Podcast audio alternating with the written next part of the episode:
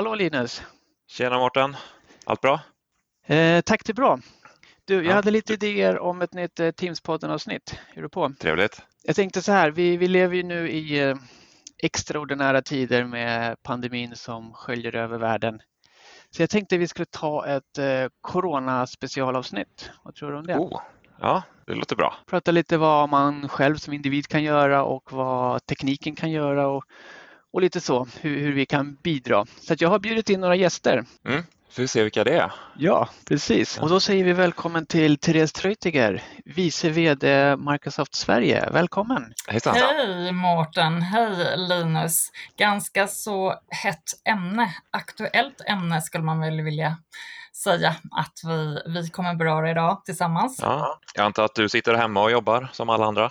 Ja, jag sitter hemma, så jag sitter i mitt lilla vardagsrum just nu. Vi sågs ju senast på Teamsdagen här i början på mars. Och det känns ju som att det var inte så länge sedan, men det har ju hänt otroligt mycket sedan dess. Ja, det, alltså jag var faktiskt tvungen att reflektera över hur snabbt det, det har gått. För det stämmer ju att vi träffades på Teamsdagen. Men det var ju också absolut det sista fysiska event. Sen blev det ju, eh, tog det hela en helt annan vändning ska jag säga. Mm. Ja, vi märkte det under Teamsdagen att det var ju en del som droppade av och en del som sa att de fick mejl från företagsledningen att eh, nu får ni inte vara med på event längre så då fick de gå hem efter lunch. Så det droppade av en del folk där. Så det, det är som du säger, det var sista eventet. Ja, det var det och det, det kändes lite, alla var så, vi hade ju så otroligt många anmälda. Nu går ju de flesta konferenserna digitala istället. Eh, Microsoft har ju sin populära Ignite som vi har varit på eh, år efter år, men den kommer bli digital nu på något sätt. Vi får se hur det blir. Ja, nej men det är ju, det är ju verkligen en, om man ser liksom effekterna här nu som, som ja, vi pratar faktiskt nu på Microsoft om hur Sverige digitaliserades på sju dagar. Och eh, det är faktiskt ett tema som, som berör alla och berör oss. Och jag kan bara göra en liten ening, här, egen spaning på, vi var inte superväl förberedda tycker jag, som ändå anses som vara digitala på att hålla event, på att hålla event både fysiskt och digitalt. Och det är ju någonting som vi på Microsoft nu har fått göra ganska stora insatser för att verkligen som du så väl uttrycker det, inte ställa in utan ställa om istället. Eh, och det är, det är någonting som vi ju kommer att få se här och nu, men det är också någonting som jag är ganska övertygad om kommer vara en effekt framåt av, eh, av, det, av resultatet av corona. Att man kommer kunna se både och. Man kommer ha det fysiska, men man kommer också inkludera mycket, mycket mer av det eh, digitala. Precis, och där kommer ju Microsoft Teams in, inte minst. Vi är, det är Teamspodden vi har en dialog i nu? Precis, hur? precis. Ja. Ja, men det här med digitalt eh, arbetssätt har ju verkligen fått ett uppsving nu. Jag såg någon sån här rolig meme om eh, där frågan ställdes, vem ledde ert företags eh, digitala transformation? Då var det tre svar, CEO, CTO eller covid-19. Mm. Och det Ja, har ju är blivit så för många så. företag. Mm. Ja, det, det är ju hem, men eh, delvis så, så är det ju en, en sanning. Det man ska man ta, titta på liksom Teams som är ett eh, samarbetsverktyg, inte bara att hålla videomöten eller chattmöten, eller, utan det är också möjliggör ju för dig till exempel att lagra dokument, att kunna jobba med whiteboard, att kunna jobba med samarbetsverktyg, inte bara internt inom din organisation utan även liksom med dina kunder eller med dina partners. Men det, Sverige hade ju kommit um, ganska långt här. Uh, Sverige var ju en av de absolut topp 10 länderna i världen som använde Teams redan innan eh, uh, covid-19. Uh, eh, och det vi har sett nu det är ju att många företag, i synnerhet ska jag säga offentlig sektor, har ju börjat använda det här i mycket, mycket högre grad än vad man gjorde innan.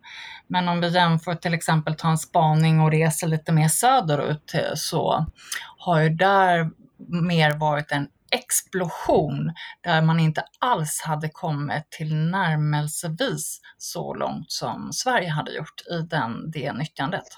Och sen så har ju Sverige också kommit mycket längre med eh, både att vi har ett väl utbyggt 3G, 4G, 5G-nätverk, 5G i alla fall på gång och eh, att vi har också den här gamla PC-reformen, vi har en fiberutbyggnad, vilket också har möjliggjort att många företag och organisationer har ju haft en, en policy om att man haft möjlighet att kunna arbeta hemifrån. Det jag tror att många saknat det är ju att kunna ha verkligen en riktig arbetsplats i, liksom, i din dator där du tar med dig alla dina dokument, du har tillgång till eh, samarbetsplattformar, du har tillgång till att kunna jobba i Teams oavsett var du, du finns någonstans. Och det är ju den miljö som man nu har skapat. Mm. Det där med att jobba hemma har ju tidigare, vi har pratat om det i Teamspodden tidigare, att jobba hemifrån har ju varit ett litet skällsord, så här, alltså du ska jobba hemma nu. Men nu har ju fler förstått att det kanske inte är bara att lata sig utan man eh, jobbar faktiskt och eh, även forskarna har visat att man jobbar mer effektivt hemifrån. Dels att man eh, inte blir störd av kollegor på samma utsträckning som när man är inne på ett kontor. Eh, men också att du slipper den här pendlingstiden och pendla in till jobbet. Du kan sätta igång och jobba direkt. Så det är ett bra sätt att upptäcka det här. Eller ett sätt i alla fall att upptäcka hur effektivt det kan vara att jobba hemma. Ja, nej, men jag tror äh, definitivt. Om man säger Microsoft ställde om redan, började vi den resan 2012 då vi egentligen gav väldigt fritt till våra medarbetare att, där vi sa att men, arbetsplatsen är inte en fysisk arbetsplats, utan vi ska kunna möjliggöra för våra medarbetare att oavsett var man befinner sig så ska man ha tillgång då till samma typ av system. Man ska kunna jobba hos sina kunder, man ska kunna jobba hos en partners eller om man, man hellre vill sitta hemma eh, för att öka effektiviteten men också att faktiskt tillbaks till det du, ni säger, det här med att kunna fokustid, att kunna hitta sin egen tid också där man faktiskt fokuserar. Och det kanske inte är på kontoret just då, utan ibland kanske man faktiskt måste sitta hemma. Jag tror snarare det vi ser nu när vi sitter så här mycket jobbar hemma. Jag kan verkligen känna att jag saknar sociala kontakter, så man ska ju inte underskatta behovet av att ha interaktion med andra människor och så otroligt mycket energi och idékraft som det ger när man också kan träffas fysiskt. Men det här är ju fantastiska komplement, så jag tycker inte att det ena ska inte utesluta det andra. Men definitivt att sitta hemma och att, eller var du nu befinner dig någonstans, att faktiskt ha tillgång eh, till eh, verktyg, till olika system, information att kunna arbeta i ditt företags eller organisations arbetsprocesser oavsett var du befinner dig. Det är ju en fantastisk möjlighet som gör det också möjligt att, att faktiskt kunna jobba riktigt effektivt. Jag tror snarare ibland att man ska vara varsam på att när vi sitter så här mycket hemma, i synnerhet nu med covid-19, så jobbar vi, kan vi jobba sjukt mycket. Mm. Eh, jag vet inte hur ni känner, men, men eh, eh det är inte riktigt samma, så man får tänka efter hur man jobbar faktiskt. Vi kan komma tillbaka till det kanske. Ja, vi hade ett avsnitt, eh, jobba hemma avsnitt här där vi hade med Pia Stider och eh, då pratade vi just om det här eh, vikten att verkligen ta pauser och att man skulle gå ut på en promenad på lunchen så man får att man rör på sig så man inte bör bli sittandes där framför datorn hela dagen. Kanske glömmer av lunchen och sådär utan man verkligen ta de här pauserna? Ja, jag har faktiskt ställt om um, i början, första två veckorna efter covid-19 så jobbade jag nog mer eller mindre lite på samma sätt. Samma längd på möten. Jag har ställt om det ganska mycket. Jag tar alltid en morgonpromenad till exempel. Uh, försöker gå upp ungefär samma tid, ta en morgonpromenad och sen så försöker jag hålla mycket kortare möten. Jag tycker att det blir lite för långt ibland när man har de här två timmars möten utan pauser och det är viktigt att lägga in pauser i mötena, att också kunna hålla lite kortare, effektivare möten. För när man sitter så här digitalt och har ett möte via Teams så blir det ju mötena väldigt mycket mer effektiva. Det är nog min spaning efter de här veckorna. Ja, jag hörde någon sån förståsigpåare förstå sig påare som pratade om det där på radion här för ett tag sedan. Hans spaning var att ja, man har kortare möten för att man känner sig lite obekväm framför en videokamera. Så då var det hellre att man tog det lite kortare. Så, att, eh, så jag vet inte om det stämmer. Jag, vi har jobbat i och med videomöten i många år så att vi kanske har lite försprång på det. Men jag håller helt klart med dig att det, det blir kortare och intensivare. Men, men, risken är också att man bokar upp liksom möte på möte på möte och då, um, ja, sen har hela dagen gått för att man har fastnat framför datorn där liksom. Ja, jag tror att man behöver när det är så, för det blir också väldigt många möten. Jag kunde ju finna mig själv sittandes i möten eh, nästan 12 timmar då, eller 10-12 timmar och ja, men det är bara att konstatera att till slut har du inte så mycket energi kvar att ge. Eh, och, och eh, att du tappar till slut liksom lite koncentration.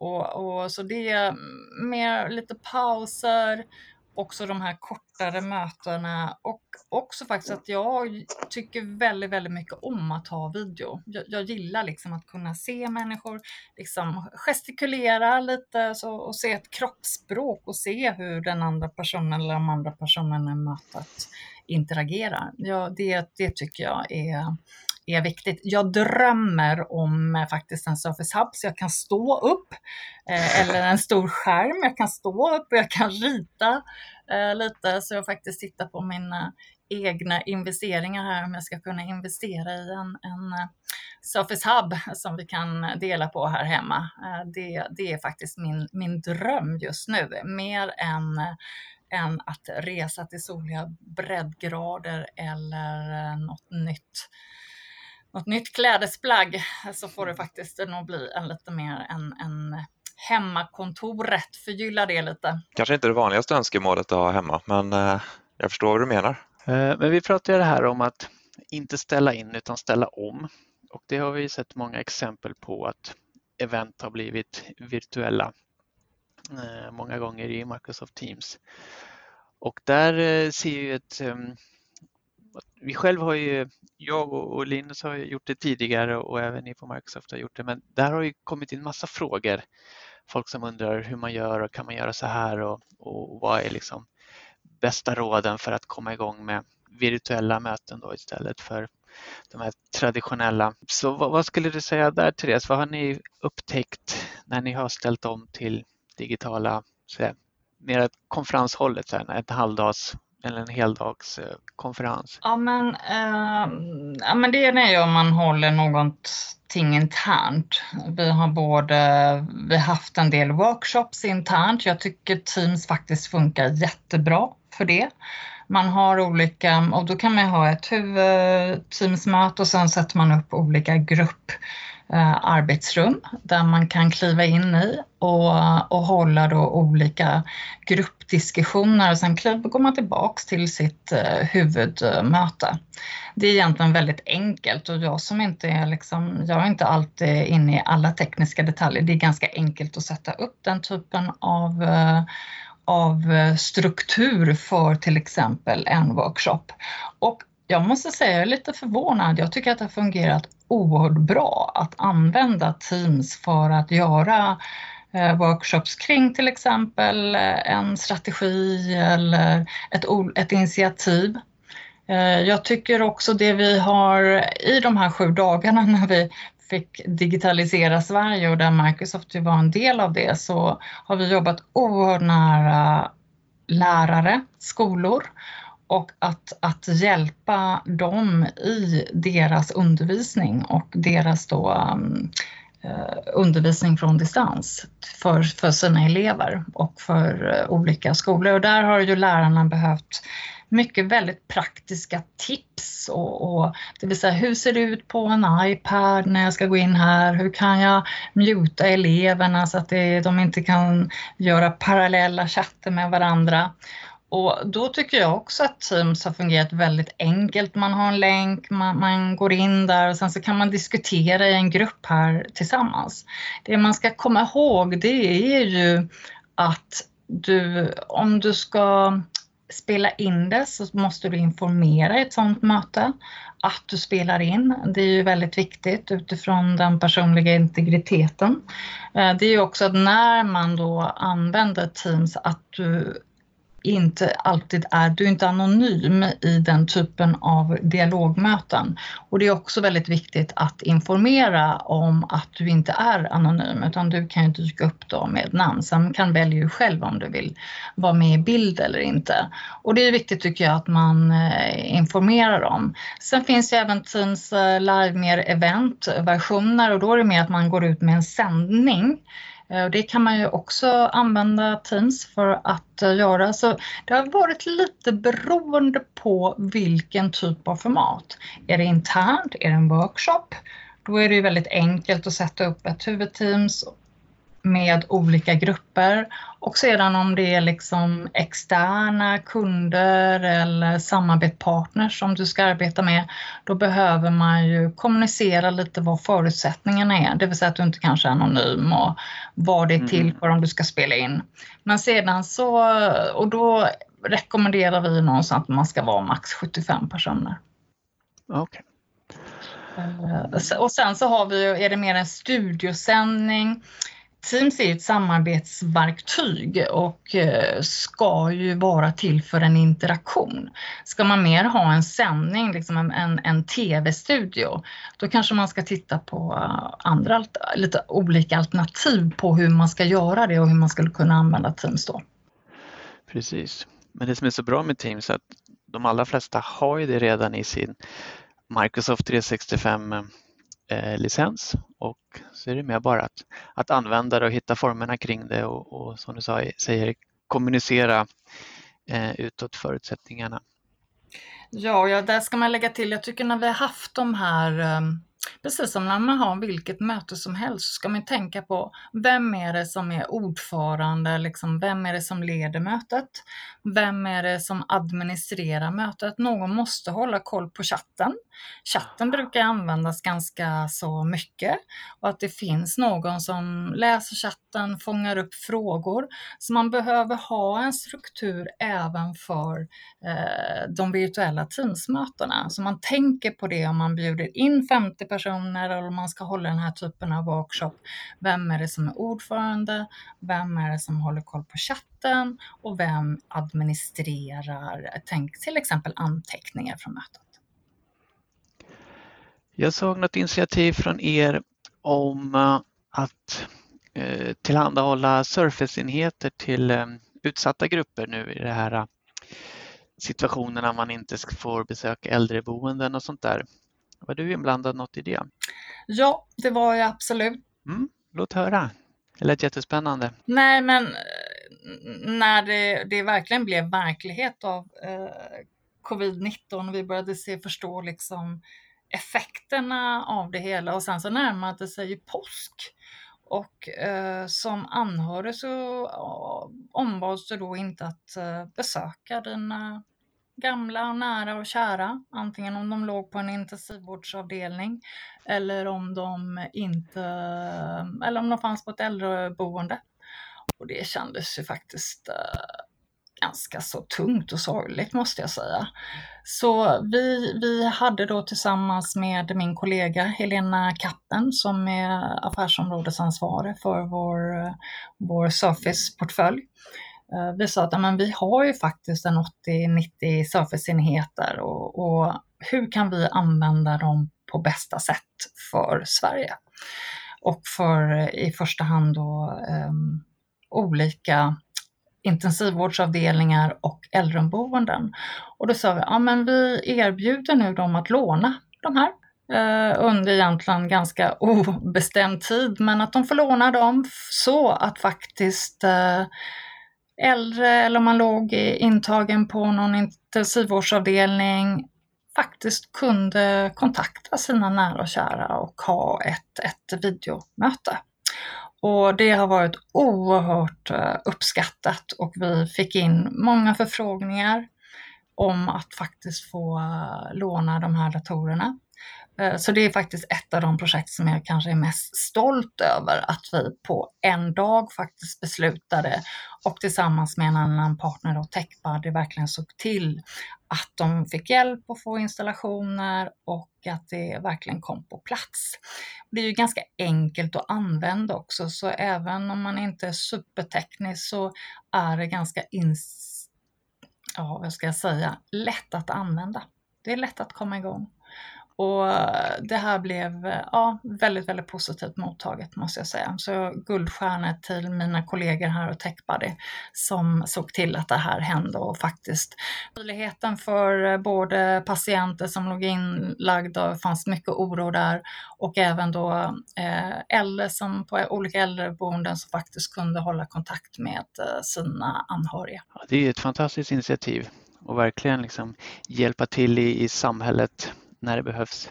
Det är riktigt bra det som du säger att de, de skickas inte bara ut att det verkligen är en partner som kommer ut och hjälper dem att installera de här enheterna så de kommer igång med dem. Så det är inte bara skickas ut utan det, de kommer igång på ett bra sätt. Om man skulle eh, höra det här nu, finns det några enheter kvar? Ja, ja det kan nog finnas eh, någon kvar faktiskt och man kan ansöka om det här så eh, och, och det kan ju också vara så att eh, självklart måste de saneras då och steriliseras så att säga så att vi, vi inte sprider runt eh, covid-19 eh, eh, bakterier eller infektioner mellan olika boenden. Men de här kan ju också cirkulera mellan olika, olika enheter kan man säga, eller organisationer. Men det kan finnas möjlighet att, uh, till några fler. Absolut. Är det Helena Kappen där på Microsoft? Man Jajamän, det är Helena Kappen. Vi lägger ut en länk till och den här artikeln på teamspodden.se så ni kan uh, hitta all information där. Ja men superbra Linus och Mårten. Det tycker jag är väldigt bra om ni vill göra det. Jag såg ett annat initiativ som ni var inblandade i här för ett tag sedan. Hack the Crisis. Vet du vad som kom ut av det och vad det var för någonting? Det lät väldigt spännande tycker jag. Ja, vi var med. Det var ju otroligt många, många förslag, men, men eh, det finns ju ett av förslagen faktiskt med eh, där vi eh, tillsammans då med CRM-konsulterna jag tror faktiskt till och med att de kom tvåa i hela den här Hack the Crisis sessionen. Eh, lyckades eh, ha tagit fram en, en eh, app med ett kösystem där man liksom kan logga in och, och, implementera då till exempel om man står i en kö och väntar och ska hämta ut mat etc. på ett enkelt sätt så kan man få en QR-kod kopplat till det så att man kan få att nu är din beställning klar och nu kan du hämta ut den.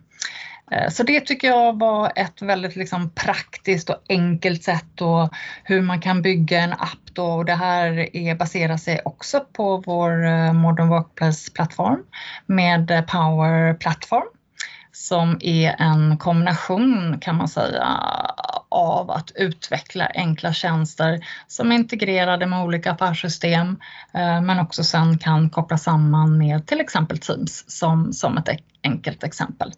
Eh, och det var tillsammans då med CRM-konsulterna som eh, hjälpte oss att utveckla det här. Så det tycker jag, det kommer nog komma mycket mer information om det ganska snart och även ett uh, lite pressmeddelande om det. Så nu har jag läckt det i förtid. Ja, ja.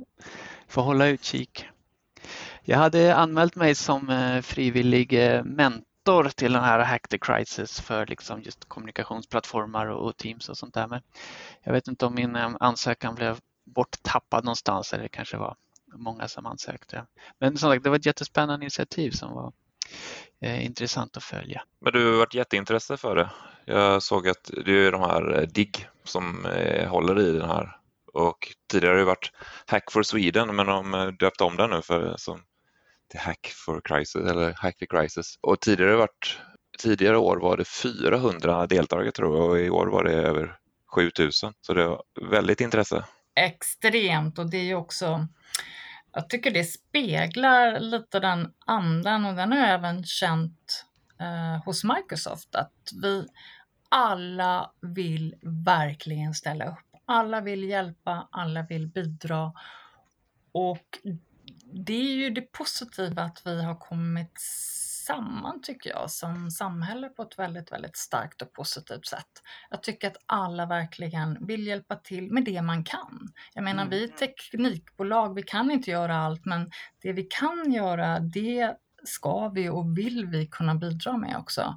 Och det upplever jag att eh, det har blivit en väldigt eh, något positivt av det, hur man samarbetar och hur man verkligen gör det här, man går den extra milen eh, nu när det verkligen gäller. Och där kommer du väldigt bra in på det jag skulle säga nu då att förutom det här ställ inte in, ställ om, ställ upp. Där vi alla liksom ser vad kan vi göra för att ställa upp för samhället.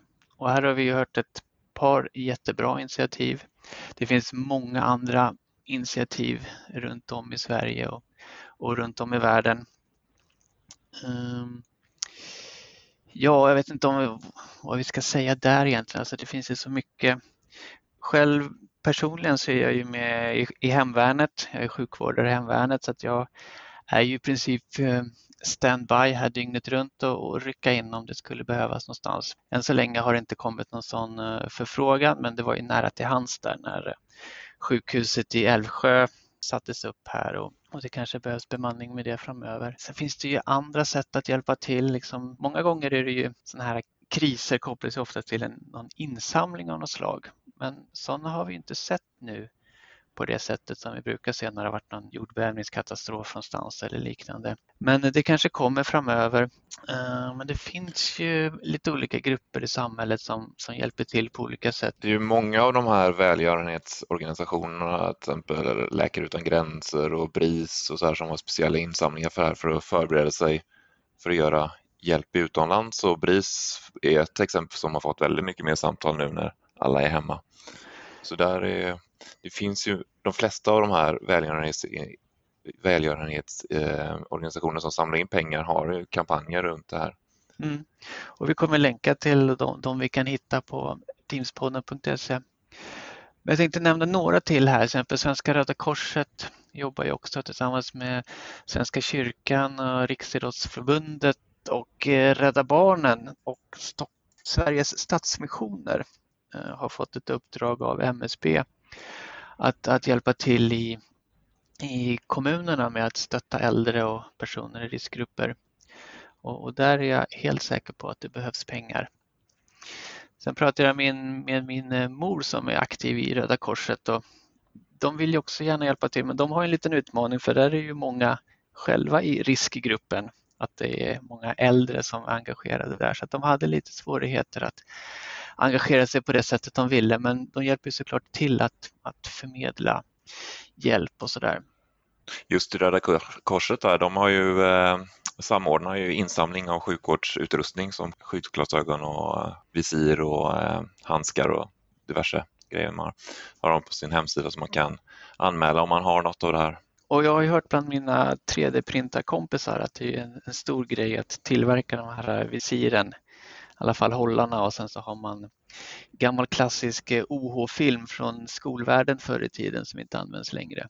ja, det är jättebra att de här OH-filmerna får eh, användning helt plötsligt. Ja. Mm. Gamla kunskaper som kommer till bruk igen, det trodde ni inte va, eller hur? Nej, precis. Gamla lager som man inte trodde skulle behövas. Men, eh, jag kan nämna det också i, med tanke på hemvärnet och sånt där så har ju eh, de olika försvarsorganisationerna i Sverige har på, på uppdrag nu från MSB, alltså myndighet, Myndigheten för samhällsskydd och beredskap, tagit lite olika initiativ till att eh, bland annat samordna olika eh, funktioner och knyta ihop förfrågningar som finns från olika samhällsfunktioner med att matcha det mot både egna medlemmars eh, möjligheter att hjälpa till utifrån olika förmågor men även med frivilliga att man kan anmäla sig dels till enklare uppdrag. Det kan vara att köra saker fram och tillbaka eller liksom städa på något ställe eller sånt där. Det finns hur mycket saker som helst att göra.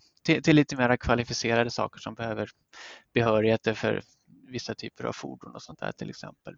Det finns också något som heter Frivilliga resursgrupperna, FRG, som också samlar frivilliga för att hjälpa till i olika, olika situationer och de har ju också aktiverats nu i i den här krisen.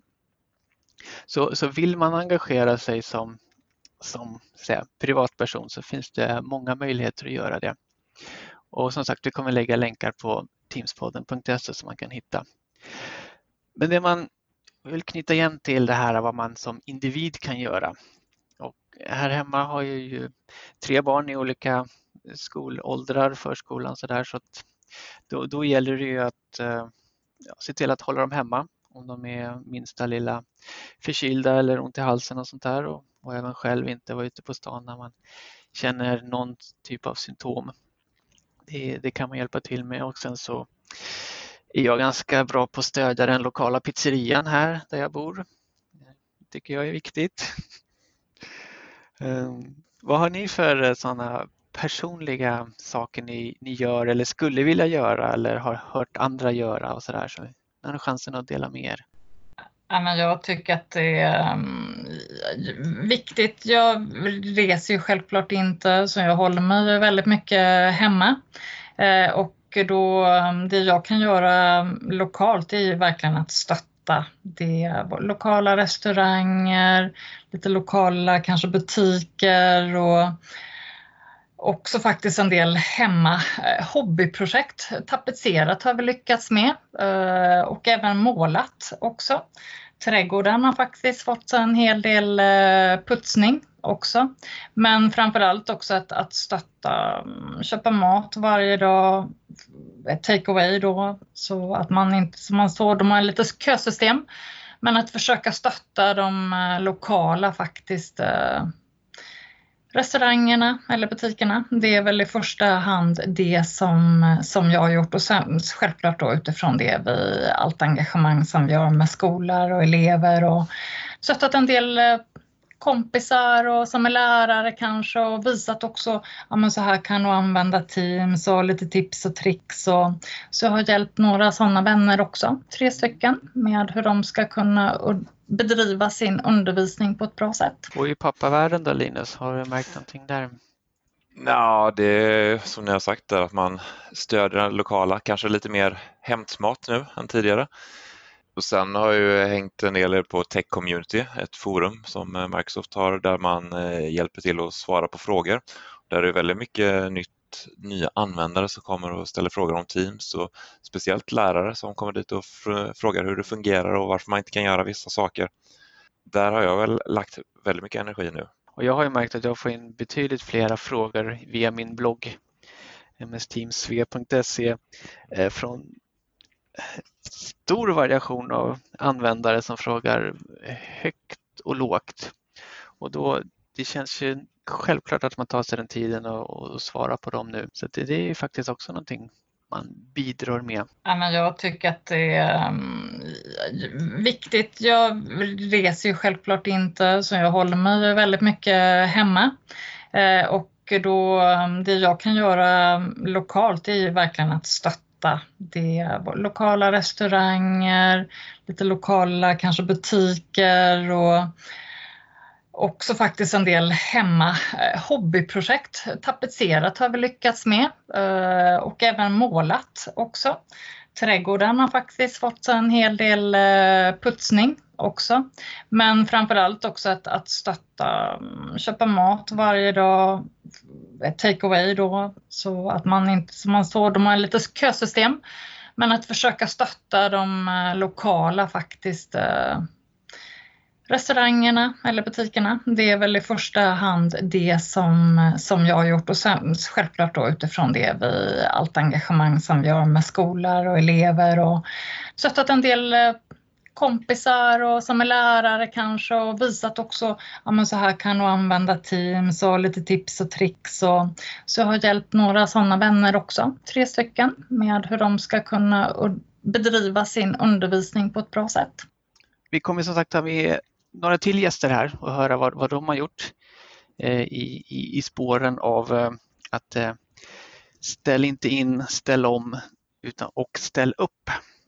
Om vi tar några avslutande några avslutande ord kanske? Definitivt och, och, vi har ju fått väldigt, väldigt många nya användare i Sverige och som sagt, som jag sa, vi har ju haft från Microsofts sida en, eh, ett möte, en möjlighet att kunna Eh, få lite hjälp och stöd varje dag. Så vi har haft en, ett öppet hus, ett öppet forum där man kan eh, ringa in då, som lärare och där vi har då medarbetare i Marcus som eh, ställer upp att, att presentera. Det finns aldrig några dumma frågor. Det finns bara braiga frågor och alla frågor är välkomna. Sen har vi också lärarcoacher som vi erbjuder så alla, vi har många medarbetare som har ställt upp som lärarcoacher som, där man kan ge individuell hjälp till eh, lärare för eh, att stötta dem hur de skulle kunna sätta upp sin eh, undervisning. Också lite tips och tricks så här att så här är bra att presentera, tänk på att hålla den här typen av tidssnitt. Så här kan du engagera mm, dina elever genom olika arbetsgrupper eller olika uppdrag. Så här delar du dokument. Det kan vara väldigt enkla frågor och eh, man måste få ställa dem tror inte att jättemånga kommer sakna pendlingstiden till kontoret när vi väl börjar återvända till kontoren. Nej, det tror inte jag heller.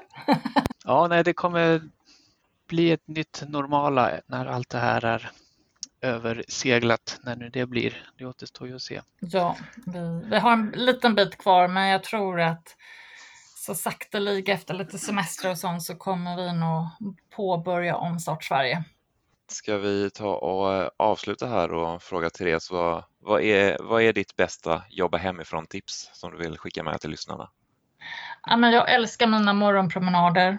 Eh, jag eh, tycker det är jätte, jätteskönt att få lite egen tid och jag laddar lite för dagen. Så det är en form av meditation och mental träning.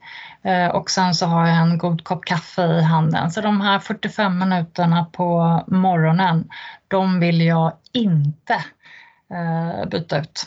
Bra, stort tack Therese! Jätteintressanta diskussioner. Vi kunde såklart ha fördjupat det här ännu mer i, i ledarskapsfrågor och, och sådana saker, men det kanske vi får ta en annan gång helt enkelt. Ja, det tror jag och eh, prata lite mer om den, för det är väl lärdom nummer två, den fysiska relationen, hur viktigt det är. Att mm. faktiskt kanske ha kortare möten, lite på distans i alla fall, walk and talk och lite AVs. Lite social eh, interaktion är viktigt också. Mm. Den, den eh, inser vi hur viktigt det är att ha mänskliga fysiska relationer. Bra, Bra. tusen tack! Tack så mycket! Tack så hemskt mycket Mårten och Linus.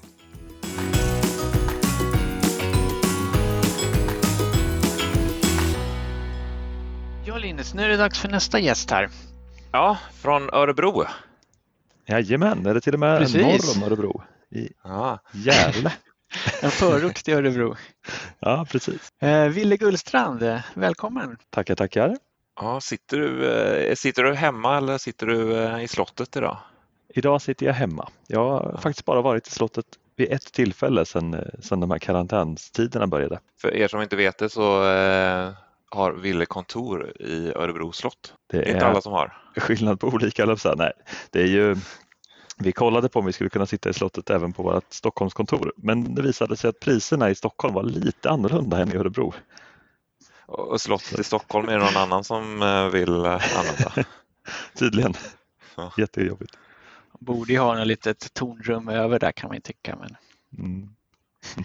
ja, ja. Eh, du har ju varit med i Teamspodden en gång förut, Ville, då som ett eh, form av telegram inför Teamsdagen. Men nu är du med här på riktigt. Jättekul, välkommen!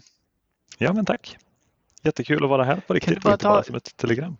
Kan du bara ta jättekort eh, om dig snabbt så, så vi, vi, vet var vi har dig? Ja, men absolut. Jag heter då Ville och kommer från den här lilla förorten utanför Örebro och eh, jag jobbar på ett bolag som heter Altitude 365 som Onboarding and Adoption Manager, vilket eh, ja, det betyder att jag, jag jobbar med 90 graden utav, utav alla Office 365-produkterna. Så eh, mitt mål i livet är att försöka få folk att bli lite mer digitala och använda sakerna på rätt sätt och att bli mer produktiva och effektiva i sin vardag.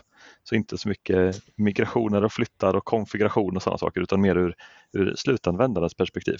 Vad man har alla de här produkterna till och hur det hänger ihop. Fantastiskt. Mm. Jag såg på Twitter här för ett tag sedan att du, vi, vi har ett coronaspecial här i Teamspodden Och jag såg mm. att du erbjöd dina tjänster gratis i coronans namn. Kan du berätta lite mer om det, för det lät ju jättespännande. Ja men absolut. Och det där, det är så här att jag har ju utöver min, min officiella roll så har jag ett brinnande intresse för Power-plattformen och kanske framförallt eh, Power BI i den. Den består ju av Power Automate och Power Apps också. Det var det jag pratade om förut på Teamsdagen. Men eh, Just det. Då, ja precis och då erbjöd jag helt enkelt eh, alla som nu har en idé på en eh, intern app inom sin organisation eller en rapport eller ett automatiskt flöde som skulle kunna automatisera någonting. Om man har någon sån idé eller någonting sånt som skulle kunna förenkla för sig själv eh, i samband då med Corona och som skulle kunna stödja kring Corona, då erbjöd jag mig att hjälpa till att bygga det eh, gratis. Så, så länge det har med coronabekämpning att göra så hjälper jag till. Jag har, mm. ja. Och har det genererat till någonting? Jag ska säga så här att det, hittills har jag bara ett konkret case just, för just den grejen och det är en, eh, ett flow som hela tiden går in och rensar alla tidigare kalenderposter i en kalender. Och sen det här används då på en, på en iPad för personer som, som har möten genom ett servicekonto eller ett gemensamt konto och eh, man skickar runt den här iPaden mellan varandra och därför så vill man inte se vilka möten som tidigare personer har haft så den, den rensar sig liksom automatiskt hela tiden. Så det är en sån här jätteenkel grej som man skulle kunna använda automatiseringsflödena till. Och det gör du med Power Automate då, så den går in i kalendern och kollar? Ja, precis. Den kollar helt enkelt var, jag minns inte vad vi satte för gräns, men jag tror att det var eh, en gång i halvtimmen så gör den en kontroll och ser om det finns några kalenderposter som har passerat. I så fall så tar den bort dem. Kan du säga någonting om vem det var som hade önskat den här funktionen och i mera, lite mer i vilket sammanhang? Eh, ja, i sammanhanget eh, kan vi säga i alla fall så är det ju inom eh, eh vården där patienter så att säga skulle kunna ha möten med sina anhöriga som inte kan träffa dem på plats. Och det är därför som man inte vill att patienterna ska kunna se varandras möten då, då de, som de har bjudit in på de här mötena. Just det. Det är lite liknande som vi pratade med Therese om här tidigare om att Microsofts initiativ att låna ut Surface-enheter till äldreboenden och intensivvårdsavdelningar och så. Men det är väldigt god, eh, jag tycker det är en väldigt god och fin tanke. Ja, absolut. absolut. Verkligen. Sen har vi ju utöver det, så att säga, för det där har ju egentligen med, med mig själv att göra kan man väl säga. Utöver det så har ju Altitud som bolag också haft öppna Teamsmöten. Det hade vi från den 18 mars till den 23 april så hade vi en timme varje lunch. Eh, och då var det öppet för vem som helst att ringa in och ställa frågor eller funderingar eller bolla vad det nu kunde vara man ville veta. Och vi tänkte att det där kunde vara för precis alla som antingen använder Teams eller någonting i 365 eh, eller IT-administratörer folk som kanske hade blivit hemskickade och kände att okej, okay, hur gör jag nu? och jag vill inte verka dum så jag vill inte ställa de här frågorna till, till min egen IT-avdelning eller vad det nu kan vara. Då kunde man då eh, ringa in och ställa allsköns frågor. Och det, ja, det kom in lite allt möjligt. Allt ifrån Teams Room Systems till hur man kan använda handuppräckningsfunktion innan det faktiskt finns en handuppräckningsfunktion. Och det här har ju ni säkerligen redan nämnt men det, den är ju på väg, den handuppräckningsfunktionen som finns. Och som en liten workaround så pratade vi om att man till exempel kan använda Windows-tangenten och eh, punkt för att skicka ett frågetecken i chatten. Så att man liksom börjar sina frågor med ett, med ett sådant frågetecken. Och då kan man blanda och mixa så att man, eh, andra kan skriva att jag går och äter nu, jag kommer tillbaka om en liten stund. Men då blir det väldigt uppenbart för eh, moderatorn att det här inte var en riktig fråga. Då. Och eh, i de senare utav de här mötena så pratades det en del om bakgrundsbilderna som man kunde Eh, sätta, mm, sätta själv då i Teamsmöten. Just det, mm. lite sånt eh, smått och gott. Mm. Men annars då, har ni fått ställa om mycket då i, i dessa tider eller är det lite mera eh, business as usual? Det är ganska mycket business as usual eh, skulle jag säga. Sen träffas vi ju inte så mycket som vi gjorde förut. Jag träffar ju framförallt inte så mycket kunder som jag gjorde förut. Det är väl den största skillnaden en observation det är att eh, det är ju allt fler som jobbar hemifrån och jag märker, tycker jag i alla fall, att av de av mina kunder som, som skickar hem allihopa, så att eh, även chefer och man själv så att säga går hem, då, då tvingas man ju att hitta digitala vägar att mötas och de, tycker jag, de kunderna tycker jag har kickstartat sin digitala resa lite mer än de som bara skickar hem de personerna som kanske är krassliga eller själva är i riskgruppen. Det blir lite som att när man är fortfarande är kvar, då, då blir det ett slags utanförskap för de som då inte är där. Därför att man fortsätter att diskutera vid kaffemaskiner och man fortsätter att, att, att ta mycket beslut utanför själva mötesrummet. Men jag upplever att de som skickar hem alla, de sätter sig ju i samma båt allihopa och, och tvingar sig så att säga att hitta nya digitala vägar. Och där ser vi också att till exempel Teams-nyttjandet har ju skjutit i höjden. Det har skjutit väldigt, väldigt mycket hos alla våra kunder men eh, framförallt hos de som har skickat hem precis alla och, och jobbar på ett annat sätt än vad de gjorde innan. Just det, så ja. att man inte får något så att säga vi och dem liksom. Ja, men precis. Att man inte man blir inte så mycket utanför utan att man eh, alla är utanför. Alla är lika mycket utanför. ja, lite så. Alla är lika, lika mycket utanför och genom det så är alla tillsammans på något sätt. Men det tycker jag märker på till exempel Teamsmöten när ett möte där alla sitter hemma och är med i ett Teamsmöte och har samma förutsättningar med en webbkamera och ett headset mm. Eh, jämfört med ett möte där några sitter i ett konferensrum och kanske en eller två är uppkopplade hemifrån eller från distans. Mm. Eh, det blir bättre möten när alla har samma förutsättningar och jobbar, ja, alla är utanför. Ja, mm. jag håller med och, och också den här att då dyker ju den personen upp på skärmen som faktiskt pratar. Eftersom att mm. alla är ju sig själva i Teamsmötet så att säga. Mm. I övrigt så har jag fått en, en fråga, den vet inte om ni också har fått ifrån folk lite här och där, men det handlar om att eh, hur ska man nu hålla koll på vart alla är någonstans? Nu har jag en massa anställda här som, som börjar jobba hemifrån och, och då behöver jag ju veta om de är hemma eller om de är på kontoret. Har ni fått den frågan ni också? Nej, Nej, det har jag inte fått. Nej. Nej. Nej, jag tycker mig ha hört det lite, lite här och var faktiskt. Och det har dykt upp frågor som ah, ska man använda kalendern eller finns det något snyggt verktyg i 365 eller ska man behöva bygga en app för det här? Och faktum är att jag, när jag fått frågan så brukar jag vända tillbaks den. Så om ni går i samma tankar eller har hört någon som har samma tankar så eh, är i alla fall mitt bästa tips är att helt enkelt inte mäta den saken utan istället titta på statusen i Teams. Är man upptagen så är man ju röd i Teams och är man inte vid datorn så är man gul och är man tillgänglig så är man grön. Och behöver man absolut prata med någon och gå förbi någon och se om de är där eller man tycker att det är lättare när man möts fysiskt då kan man ju börja med att se om de är gröna på Teams, skriva en fråga till dem och fråga om de är på plats eller inte och i så fall gå och prata med dem. Svarar de då att nej, jag är, inte, jag är inte på plats, men jag är tillgänglig. Då klickar man på ring upp istället och så får man nästan samma, samma upplevelse. Ja, det spelar ingen roll var du sitter när du är upptagen. Du... Nej, precis. Arbete är ju inte en plats vi är på mellan vissa tidpunkter utan arbete är ju någonstans ett resultat som vi vill uppnå.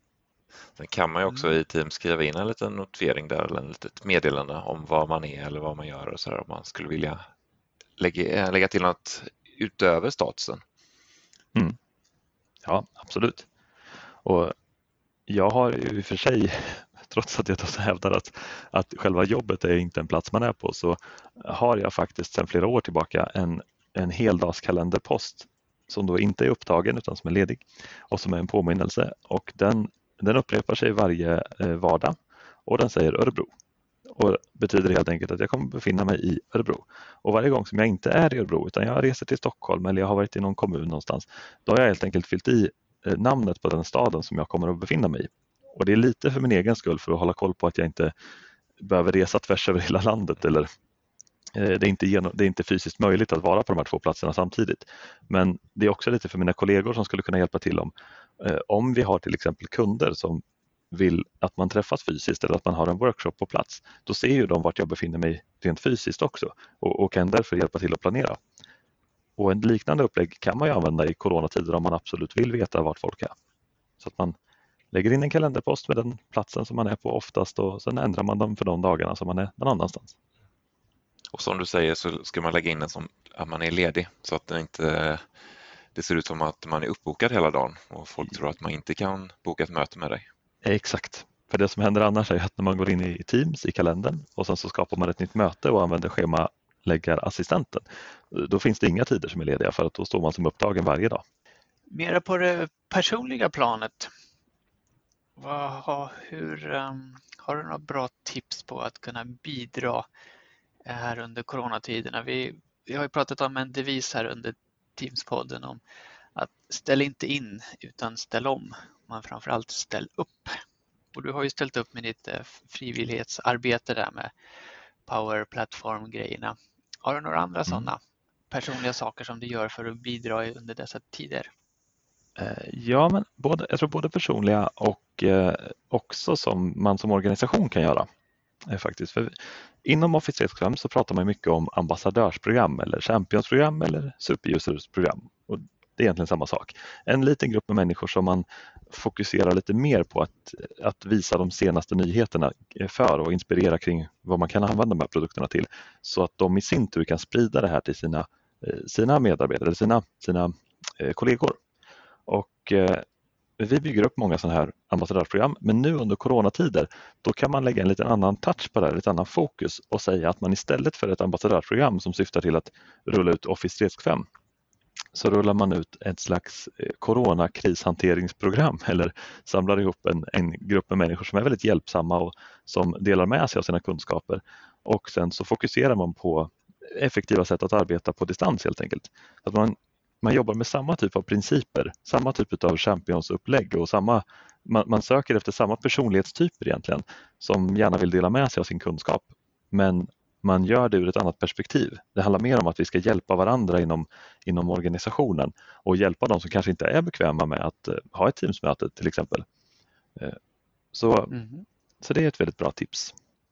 Ett annat som, mm. jag, har, som jag har gjort fast kanske inte på på eget bevåg heller, det är ju att eh, man kan ta fram en PowerPoint-slide som man skickar ut till sin organisation och uppmanar alla om att börja sina Teams-möten med.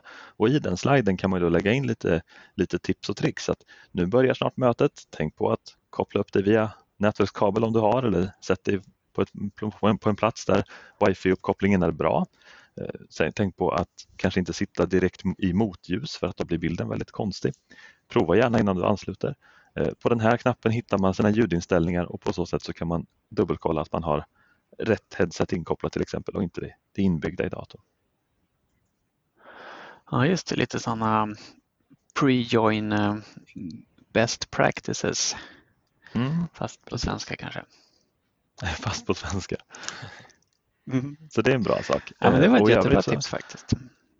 Och, och, I övrigt så skulle jag säga att det, det, handlar väldigt mycket om att bara, bara dela med sig av de kunskaper man har själv. Och, eh, för alla som har suttit hemma en liten stund och jobbat eller jobbat på distans av andra anledningar så man hittar ju lite olika olika sätt skulle jag säga för att eh, förenkla sin vardag. Man hittar ett snabbare sätt att öppna mötet i, i till exempel Teams-klienten och under kalendern. Att när mötet snart börjar så dyker det upp en liten anslutningsknapp där på själva mötesposten.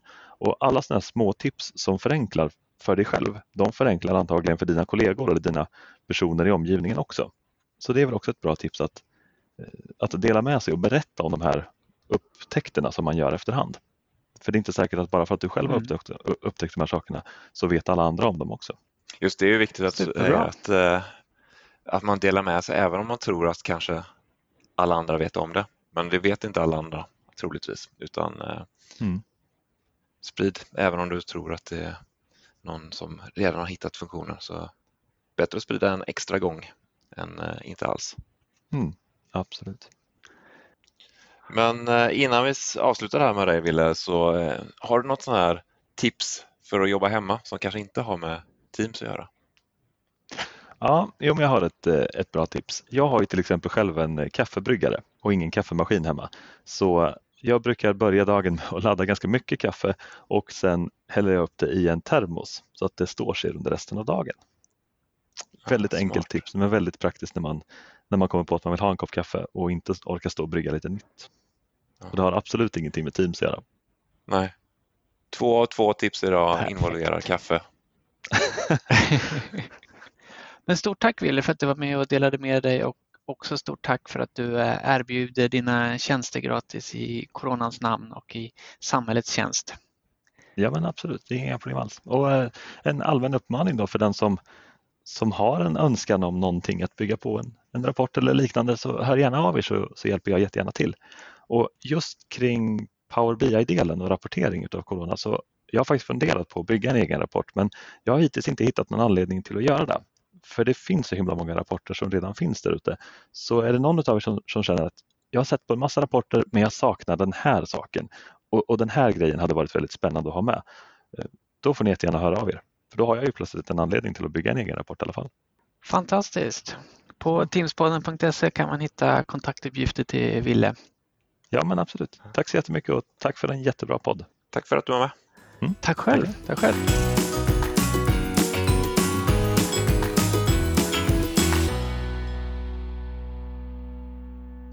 Det dags för sista gästen som jag bjudit in här. Är du beredd? Jag är beredd.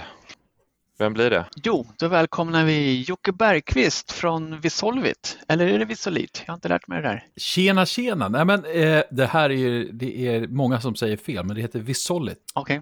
Okay. Eh, ska det uttalas. En ordvits är, bakom det va? Ja, men det är ju då ett norskt företag eh, till stor del och då är det, om vi säger WeSolve IT med norsk eh, accent så blir det då eh, WeSolid.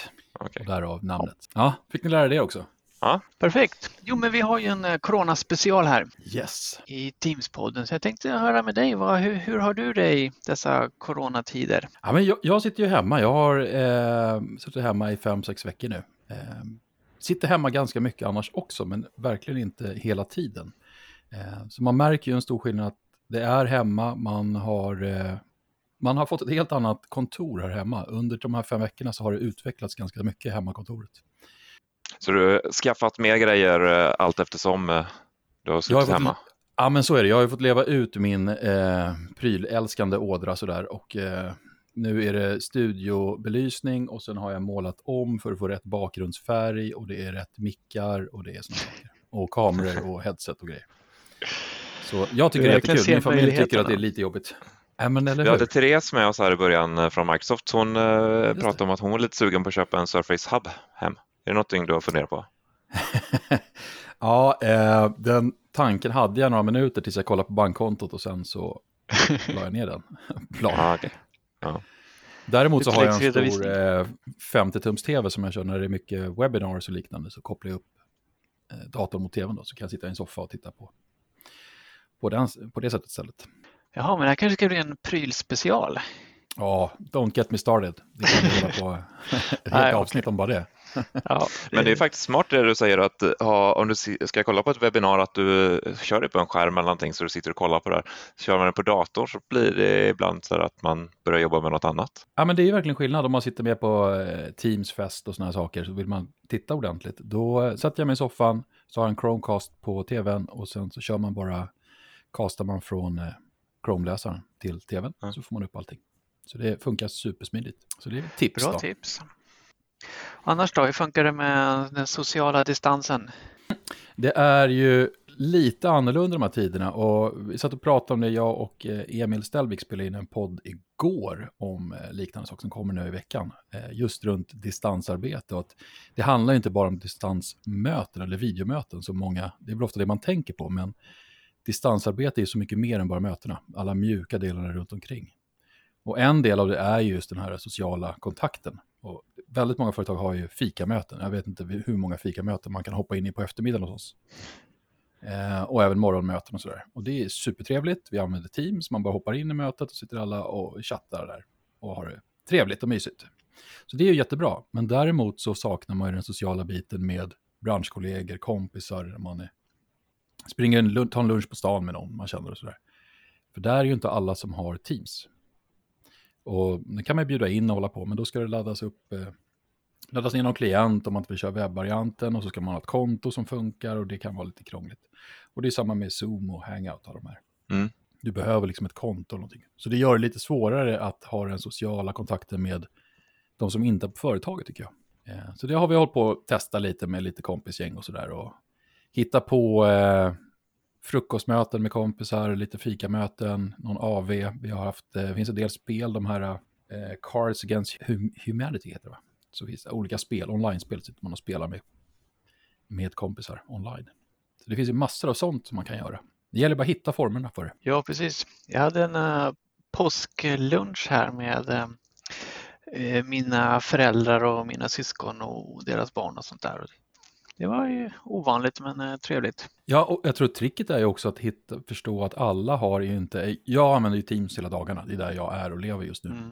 Men eh, ska jag prata med mina föräldrar som sitter nere i Spanien just för tillfället, då är Teams inte någonting för dem. Utan då är det ju Facetime eller Messenger eller något sånt man får använda istället. Så det gäller ju att ha, vara lite mer agil när det gäller att välja verktyg också och kanske ha flera möjligheter. Ja, precis. Och inte vara så... Um, vi, vi såklart, vi gillar ju Teams. Man såklart. får vara öppen för alternativa lösningar i våra ögon. Ja, mm. det tror jag är väldigt viktigt i de här tiderna, att man inte kanske bara ska stirra sig blind på hur man har jobbat tidigare och det här är de här verktyg jag använder, något annat finns inte, utan man måste vara lite mer öppen för att kunna träffa andra och då måste man ibland hitta andra former. Tekniskt också för att göra det. Precis, och vi sa nog inte det i början här, men du är ju poddkollega i branschen. Åh, oh, det, det, var fina ord. Jag vet inte om jag kallar mig poddkollega. Jag är nybörjare. Det första spelade vi in eh, hos er på Teamsdagen. Det var ju ja, första avsnittet vi spelade in. Mm. Så vi har ju en liten, eh, podd är vi, vi kör bara YouTube än så länge, så vi kallar det för en VOD. All right. eh, men vi håller på att prata om att få en ljudpodd på också. Men eh, vardagsdigitalisering, vardagsdigitalisering.se. Mm. Så där har vi lite mer fokus på hur kan man göra arbetsvardagen enklare med ja, digitala hjälpmedel oftast. Men mycket fokus på ett användarperspektiv mer än kanske det administrativa och tekniska perspektivet. Har du märkt ett ökat intresse kring det under de här coronatiderna? Ja, men det, ska, det skulle jag nog säga. Vi gjorde ett avsnitt där vi testade lite kameror och headset och sådana saker. Den eh, blev, fick betydligt mer träffar snabbt än vad de andra avsnitten har fått. Vi har gjort ett avsnitt om eh, Jitsi, som är jitsi.com, som är en sån här gratis videokonferensplattform som inte kräver någon som helst inloggning. Så du bara skapar ett rum och får en URL och sen så vem som helst kan klicka på URLen och komma in i rummet. Ja. Um, och vi har gjort några andra Teams bakgrunder och sådana saker. Och det blir ganska snabbt. Man märker att det är mycket med folk som är intresserade av användarperspektivet av Teams, liknande verktyg. Hur jobbar man i det eh, i vardagen så att säga. Så, så absolut så finns det mer intresse just nu. Ja, vi pratade med Therese om det lite grann, att man får, vi märkte alla liksom att man får mera frågor från vänner och bekanta och kollegor i branschen och sånt där, liksom större intresse och mera behov av hjälp liksom, i dessa tider. Oh ja, och framförallt kollegorna, där, där är det, man får ju massor av frågor varje dag. Hur kan jag göra det här i Teams? Hur gör jag det? Hur, har du något tips på hur jag kan strukturera upp det här i ett behov jag har? Kan jag använda Teams för det? Eh, hur hittar jag Teams? det är massor av saker, hur lära handgreppen och sånt. Och där har vi spelat in en eh, Teams Academy som jag har suttit på kvällarna och spelat in och så har vi lagt ut det då på, på jobbet så att de som inte är jättevana att använda Teams förutom i möten ska kunna förstå det här med kanaler och flikar och få lite tips. Och... Ja, för det där är lite svårt på det sättet att det är så självklart för oss.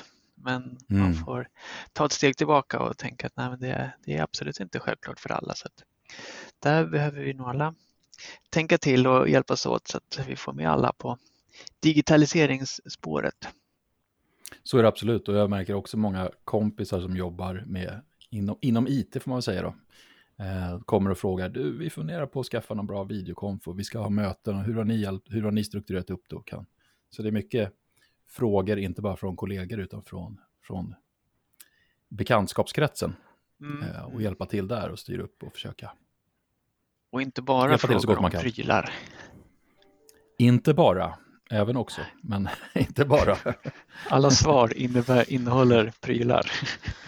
Ja, men alla sådana här, jag hade, har väl haft ett gäng sådana här webbkameror i olika åldersgenerationer hemma, men de är ju då utlokaliserade hos kompisar runt om nu. Eh, allt från headset och mikrofoner och kameror som, så nu har jag det jag använder, resten är på utlån runt om i Sverige. Det är bra att du ställer upp där, för det, det är ju många som fortfarande blir hemskickade och så får de sitta med laptopen och prata rakt in i datormikrofonen och sånt eller sitta med en dålig kamera. Ja, men det, så är det ju. Och jag funderar mycket på vad, vad, kan jag göra under de här tiderna för att underlätta för andra. Och man får väl utgå från det man, det man har ett intresse för och jobbar med. Så där försöker jag hjälpa till så mycket jag kan, både privat och i, på jobb och med kunder och sådana saker. Men eh, det finns ju andra saker också. Eh, och jag har väl börjat fundera på hur man kan stötta på andra sätt också. Eh, men det finns mycket att göra och hjälpa till. Och det är väl det viktiga nu, att inte bara lägga sig ner och tycka allt är nattsvart, utan ställa om och eh, tänka annorlunda och göra det bästa av det. Ja, för jag har återkommit till den devisen ett par gånger här under avsnittet redan att ställ inte in utan ställ om, men framförallt ställ upp. Ja. Att vi ställer upp för varandra och hjälper oss igenom de här, det är ju svåra, extrema tider just nu och framförallt en stor osäkerhet. Eh, många är oroliga för sina egna jobb och sin egen hälsa och nära och käras hälsa och jobb och sånt där. Så att, eh, det här Mm. ställer lite krav på oss i, i samhället. Att vi, vi ställer upp och, och tar hand om varandra och liksom hjälper till så gott vi kan. Ja, och jag tycker att det, det, det finns inte så många andra sätt att göra det på, utan vi måste göra det för allas skull. Och det är sjukvården och jag har, min, min fru jobbar inom sjukvården, så det är väldigt påtagligt liksom hur, hur man måste tänka runt det här för att underlätta för dem också, att det ska Mm, funka. mm. Eh, Men det är svårt. Mina föräldrar kommer hem från Spanien här nu i helgen. De lyckas hitta ett flyg hem. Men- Och då skulle jag vilja åka och hämta dem, men det vill man heller inte riktigt göra. Så det är, nej, det är mycket svåra situationer att lösa. Men eh, tillsammans så får man göra det. Vi har, har barn som går i skola i Uppsala, så då är det ju varje morgon och eftermiddag så kör vi in då, jag, mina barn och grannbarnen till, till skolan för att de ska slippa åka på tunnelbana eller pendeltåg och buss. Ja. Så det blir mycket sånt man får styra om i, i vardagen. Och det, det leder ju till en annan sak, att vi alla kanske måste vara lite mer flexibla nu i tankarna. Att vi måste förstå att alla har inte samma situation som vi själva har privat, utan vi måste kunna förstå att andra har andra saker som också är väldigt viktiga. Och fokusera mer på resultatet än att vi har där nio mötet klockan nio varje morgon. Vi kanske kan hitta ett annat sätt att stämma av och grejer. Ja, precis. Arbetstiderna blir ju, får ju anpassas lite efter hemmaförhållanden och så beroende på om man har Mm.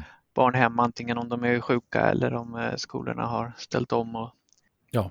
och att man åker till mataffären och blir förbannad för att de inte hade några gurkor liksom. Det, det, man får försöka se över det liksom. Du, har, du bunkrar inte allt du ser på ICA? Eh, nej, jag är ju så, sån här eh, glad prepper så att jag har ju liksom konservburksförråd och, och vatten och sånt där i garaget. Men man har ju inte någonsin kunnat föreställa sig att man skulle preppa för en sån här situation. Att, ja, under en så Nej. utdragen period inte liksom vara säker. Men det, det är ofta så här, jag är med i hemvärnet också. Det, det är ju ingen krigssituation men många gånger pratar man ju om det svåra i det här mellanläget från fredstid Mm. till krigstid. Att någonstans däremellan är det ett, ett gråläge. Är vi, liksom, är vi under attack eller är det frid och fröjd och det är världsfred? Nu är vi också under det här mellanläget. Liksom. Ja, det, det är restriktioner. Eh, Det är inskränkningar på vår rörelsefrihet och sånt där men vi är fortfarande inte i någon katastrofsituation. Och det, det är jättesvårt att eh, förhålla sig till det emellanåt. Ja, och det är svårt också, för jag tror många går runt och tänker att hoppas det är över snart så vi kan återgå till, till det normala. Och det Mm. kanske vi kommer göra så småningom, men det kommer ju ta tid. Och det, det normala som vi är vana vid kommer inte vara normalt under det närmaste året säkert. Utan det gäller Nej, ju då att precis. hitta, redan nu börja fundera på, okej, men hur kan vi, hur kan jag göra det här annorlunda? Hur kan jag ha en social kontakt med mina kompisar på ett annat sätt? Hur kan, Mm. jag, hur kan vi bedriva jobbet på ett annat sätt att det ska funka förutom att bara ha videomöten? Kan vi jobba, hitta andra modeller att, att jobba på distans som är inte bara videomötesbaserade? Det blir intressant att se vad det nya normala blir efter det här. Kommer Ja. alla gå tillbaka och jobba från kontoret eller kommer det bli mer folk som sitter hemma? Eh, Jag såg eh, någon som uttalade sig om resor, att flygindustrin kommer antagligen ställas om helt och hållet här med lågprisbolag som inte kunna, kommer Mm, kunna jobba på samma sätt. det. Och, jag tror intressant. kontor kommer få en helt annan betydelse. Jag tror att aktivitetsbaserade kontor som vi har sett växa fram ganska mycket nu på sista tiden, den kommer nog bli större så småningom. För man behöver inte lika stora kontor. Nej. Utan man, är mer förberedd för att kunna ha en uppdelad eh, arbetskraft, eller vad man säger, fördelat. Några sitter hemma och jobbar, det är inget konstigt. Det är, det är inte så att man är en, den, den konstiga personen som jobbar hemma, utan ja, men det tillhör det normala tror jag framöver. Mm. Och då blir kontoren mer en, en hubb där man behöver samlas ibland. Men du behöver absolut inte ha ett skrivbord varje dag. Nej, och inte det kommer nog bli spännande att se hur det förändras. Precis, och inte behöver trängas på tåg och, tunnelbanor och bussar. Som Mm. åka som en packad sill fram och tillbaka. Eller för den delen ta ett flyg, ta ett, ett möte över dagen och sen flyga hem igen. Mycket sånt där kommer nog lite automatiskt att eh, raderas bort nu. Jag tror, vi- vi... är ju vana att springa på konferenser, eh, alla vi Mm, tre. Precis. Eh, och våra stora fina amerikanska konferenser, Ignite och Inspira, de är ju nu borta. Till eh, i alla fall borta nästa höst tror jag. Ja, men de är lagd på is under året i alla fall. Den fysiska Eh. träffen. Den fysiska, precis. Och där tror jag det kommer växa fram nya sätt att ha virtuella konferenser. Inte bara, jag vet att vi har Teamsfest och det finns andra som man, där man kör eh, seminarier som löper, rullar under dagen och så hoppar man in på dem man vill lyssna på. Det jag saknar mycket med, med eh, Ignite till exempel, det är att, att träffa folk där och stå och prata med dem, inte bara gå på Mm. seminarierna. Och den är ju svår att hitta idag, för då ska jag ha bokat möte med er och så ska vi, då ska vi göra det. Men jag får inte den där känslan av att jag nu går in på konferenser och ah, där borta är Mårten. Jag skulle vilja vara inne på en digital konferens där jag ser att det ploppar till att ah, nu kommer Mårten och Linus in. Så klickar man så får man ett litet one-to-one-möte där. Och kunna gå till eh, någon leverantör och säga, ah, men där är ju ni, just det, jag hörde om er produkt, kan inte ni dema den lite snabbt? Mm. De spontana mötena. Ja, precis. Det blir kul att se om det är någon som eh, kommer på någon sån snygg plattform.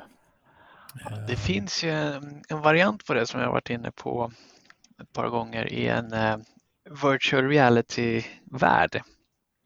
Mm. Eh, De kallar sig för Thanks God, Thank God It's Friday.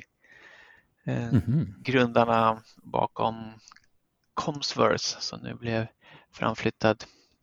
Där man liksom eh, tar sin, eh, sin VR-gubbe antingen via datorn eller med sådana VR-headset. Och så går man in i ett rum och så kan man lyssna, träffa folk, man, man känner igen dem, man kan gå fram och prata med dem, man kan också lyssna på föreläsningar. Så det är ett intressant spår att se om det går. Dels att skala upp och dels få, få upp um, användningsvänligheten så att eh, även icke-tekniknördar kan använda det. AGI Teams kallar de sig. TI Teams. Jag kommer lägga upp en länk på det på teamspodden.se så att eh, ni andra kan titta in där och, och se för att det är, ja, det är spännande. I början på millennieskiftet så höll vi på med, vad heter det då? Internet 2.0. Jag kommer inte ihåg vad det hette, men man, där gjorde man ju avatarer, så skulle man springa runt och jag jobbade på IBM då. Och då skulle IBM sätta upp stora butiker och liknande saker som man kunde gå in och göra. Och eh, besöka i den här virtuella världen. Ja, Så sina Second. Life. Second Ja. Life hette det, precis. Mm. Det är lite dit vi kommer nu, Ja, kanske. 20 år senare. nu, för, nu, nu kanske vi förstår behovet av det, det gjorde vi inte då riktigt. Det tyckte vi var konstigt. Nej, Ja. Finns den plattformen kvar eller? Jag har ingen aning, jag kom på det nu när vi började prata om det. Kanske köptes upp av någon global jätte och sen försvann. Så la ner det. Det heter Google Life nu kanske, jag vet inte. Ja, nej, men absolut. Där, där ser vi ju både utmaningar och en eh, spännande utveckling framöver. Eh, och sen är det ju vissa saker kanske man inte ska försöka kopiera digitalt Nej, utan att man ska kanske ställa om mera istället istället för att kopiera. jag tror att det är väldigt vanligt att man, eh, att man gör det.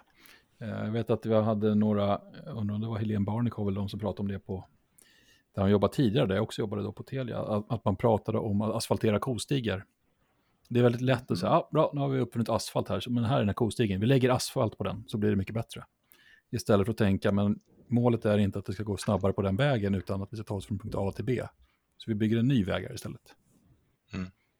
Ehm, och det ligger någonting i det där, att det är väldigt lätt att säga, så här har vi alltid jobbat, okej, nu kan vi inte göra det fysiskt, så nu måste vi göra det digitalt, och då gör vi samma sätt fast digitalt. Istället för att backa tillbaka och säga, vad är syftet med det här? Kan vi hitta ett annat sätt att göra det istället? Det är ju ganska vanligt, eller vanligt när man kommit ut till någon kund och eh, skulle introducera Skype for Business eller Teams och, så och, och de sa, ah, men så här jobbar vi med vår tidigare plattform.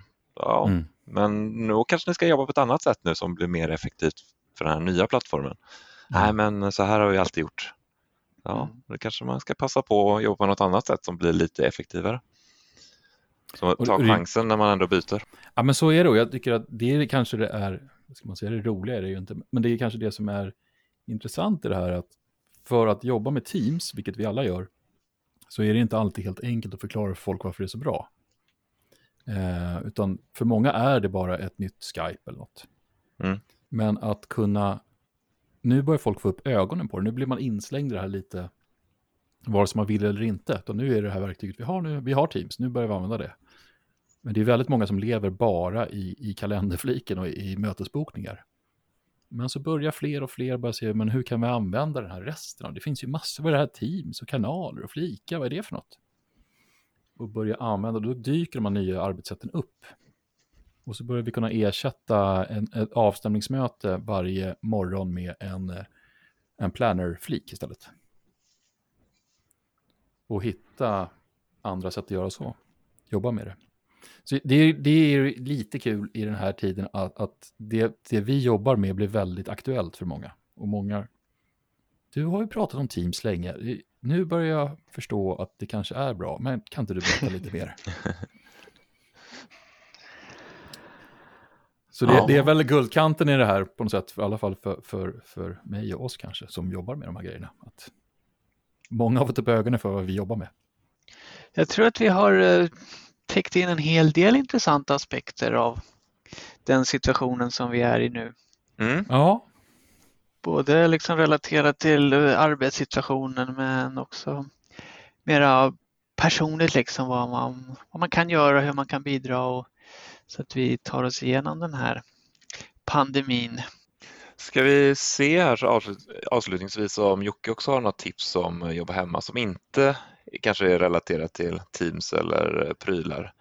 Therese, eh, hon, hennes tips var att ta en eh, morgonpromenad innan man sätter igång och jobbar.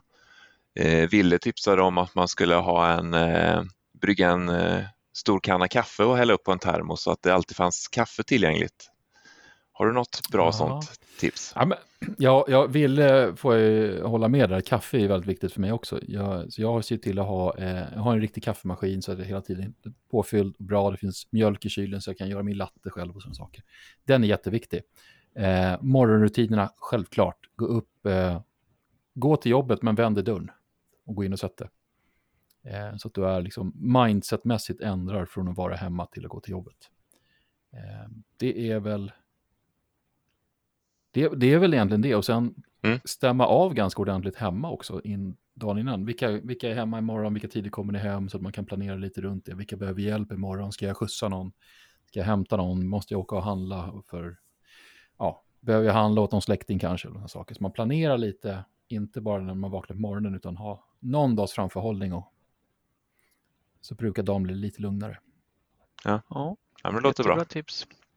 Mi- Mitt tips är ju fortfarande stötta den lokala pizzerian. ja men det gör vi. Det håller Eller med annan hämtmat, går ju också bra. Där, där Så är ett det är kul tips på tal om det digitalisering i vardagen. Vi var, eh, skulle äta, ungarna här tjatade lite om en eh, stor svensk hamburgerkedja. En, en väldigt maxad sådan. Eh, och då skulle vi åka förbi och så okej, men det, det blir i alla fall eh, drive-through, för jag vill inte gå in där just nu. Det var dessvärre ganska mycket folk dessutom också, vilket var lite jobbigt. Men vi höll oss i bilen, men då insåg vi att deras nya app, sitt i bilen, beställ i bilen, betala via appen, sitt kvar i bilen, knacka in regnumret, så kom de ut med maten till bilen. Så vi behövde inte ens lämna bilen och gå och beställa vid luckan eller någonting, utan det var verkligen sådär. Om vi beställer på vägen in till restaurangen så kunde ungarna beställa och när vi kom fram så var maten klar, kom de ut med den till bilen. Supersmidigt. Så där ja. Och ännu bättre om man har en sån restaurang hemma, för då blir det lokalt dessutom. Hemma som i hemma, Ja, men lokalt stöder det lokala. Nu har vi Ja, inte tyvärr ja. en sån restaurang här lokalt. Inte som hemma i Vi- köket. Vi, vi funderar på att flytta så att vi får lokalt max. Jag, jag har en sån eh, kanske 5-10 minuters bilväg härifrån så det är lagom. Ja, men då, då ska du ju använda appen om du inte har gjort det redan. Den är Jo, det har jag faktiskt gjort. Ja, vi har inte Ja, pratat om appar, men det, det har ju funnits några exempel internationellt om man har appar där man ska dels hålla koll på var folk är någonstans och sen om de blir Mm. konstaterat smittade med, med viruset så kan man eh, tracka tillbaka, alltså kolla vilka man har varit nära när man åkte buss och sånt där. Det var ett mm. sådant initiativ på gång i Sverige eh, initierat av eh, Folkhälsomyndigheten. Men den eh, har ju lagts på is av olika anledningar. Vad tycker ni? Är det bra att hålla koll på befolkningen med appar och fråga hur de mår och var de har varit och sådär? Jag tror att det är, en, det är en väldigt svår fråga, speciellt i Sverige där vi har integriteten är väldigt eh, påtagligt hög. Vi pratar mycket om det i Sverige. I, I Kina där man kanske inte värnar om det på samma sätt som vi gör i Sverige, jag ska inte säga mer eller mindre, men man gör det på ett annat sätt. Där blir det enklare den typen av informationsinsamling. Men eh, jag tror att vi kommer behöva, det kommer hjälpa oss att kunna ha den typen av informationsinsamling och ta beslut. Sen måste den vara anonymiserad på ett speciellt, väldigt viktigt, att det inte går att spåra på det sättet som vi inte vill i mm. Sverige. Det jag inte gillade ja, från den diskussionen, det var ju att på något sätt var det underförstått att när det var en amerikansk molnleverantör i bakgrunden, då var det liksom automatiskt att då fick amerikanska myndigheter tillgång till den datan. Nu var det mm. ju AVS i det här fallet, men alltså den, den, diskussionen var jag inte riktigt med på, men vi får väl se vad som händer här. Det är ju en klassisk det... diskussion när det kommer till moln, moln och så och amerikanska bolag som är inblandade. Och det lite paradoxala är det ju att all, man, man, har ofta den här typen av diskussioner och många har åsikter om det. Men sen kommer man hem till någon och då är det alltid, står alltid en, en Google eller en Alexa eller någonting, eller man har Siri. Eh, och man tycker det är jätteskönt att kunna kolla vad familjen och ungarna är. Man drar upp Snap och så ser man vart ungarna är på kartan. Då är det inget snack om det. Nej. Oftast. Men sen så fort Precis. en myndighet skulle säga, men det skulle vara bra att kolla för då kan vi se vilka som har varit i närheten av varandra. Nej, nej, nej, nej det går inte. Speciellt inte ett amerikanskt datacenter. Aldrig. Mm. Men våra mm. hemligaste privata saker, det har vi inget problem att röja. Nej, så länge det är gratis liksom. Så. Ja, gratis inom citationstecken. ja, precis. Ja. ja. en annan app vi nämnde lite, nu pratar med Therese här, uh, Hack the Crisis. Uh, och där var ju någon app som uh, togs fram som uh, går ut på att du kan anmäla ditt intresse på att vara volontär mm. och sen kan någon som behöver hjälp skriva in sitt postnummer och så bli ihopkopplad med den volontären och man kan ha ett röstsamtal däremellan. Till exempel någon som behöver hjälp med att handla, så kan någon ställa upp och gå och handla i närheten. Och så, så det var en eh, app som de ska ta fram nu. Snyggt. Det var ett smart sätt. Crisis Communication App tror jag de kallar den, eller något sånt. Just det. Där lägger vi in en länk till. Mm, mm. Ja, men jag tror att vi får nog ta och knyta ihop säcken med det.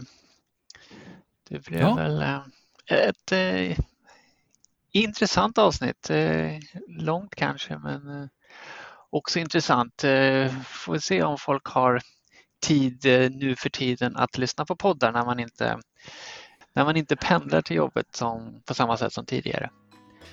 Ja, men stort tack Jocke och också stort tack till Ville och Therese. Framförallt stort tack till er som har lyssnat. Hoppas ni har fått lite nya tips och idéer, kanske blivit inspirerade att hjälpa till med, med det ni kan.